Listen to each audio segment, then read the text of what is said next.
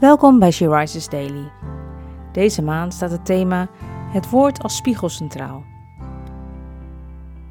En deze overdenking is geschreven door Windeline Durieux. We lezen uit de Bijbel 1 Thessalonicense 4, vers 14. Want als wij geloven dat Jezus is gestorven en is opgestaan, moeten wij ook geloven dat God door Jezus de doden naar zich toe zal leiden, samen met Jezus zelf. Er is hoop.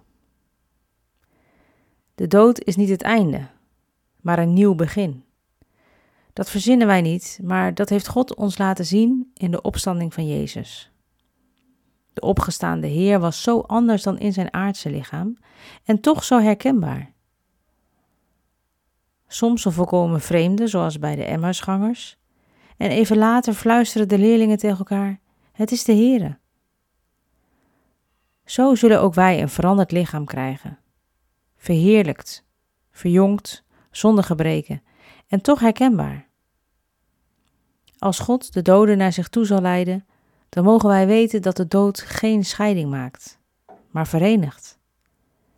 Een oud lied zegt: Maar het mooiste is, daar zien wij Jezus.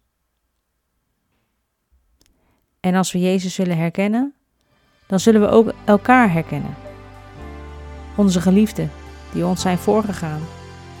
De kinderen die nooit geboren, maar in de moederschoot niet tot volle wasdom zijn gekomen. Wat kunnen we onze jong gestorven ouders missen?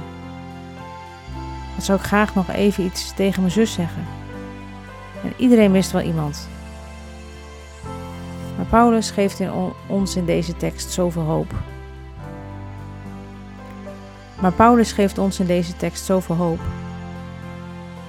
door Jezus tot God. Niet in eigen kracht. Niet omdat wij zo goed ons best hebben gedaan. Niet omdat onze geliefden zonder fouten of gebreken waren. Zij mogen bij God komen door Jezus. En wij straks ook.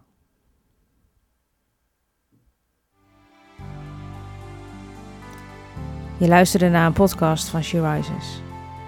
She Rises is een platform dat vrouwen wil bemoedigen en inspireren in hun relatie met God. We zijn ervan overtuigd dat het Gods verlangen is dat alle vrouwen over de hele wereld Hem leren kennen. Kijk op www.she-rises.nl voor meer informatie.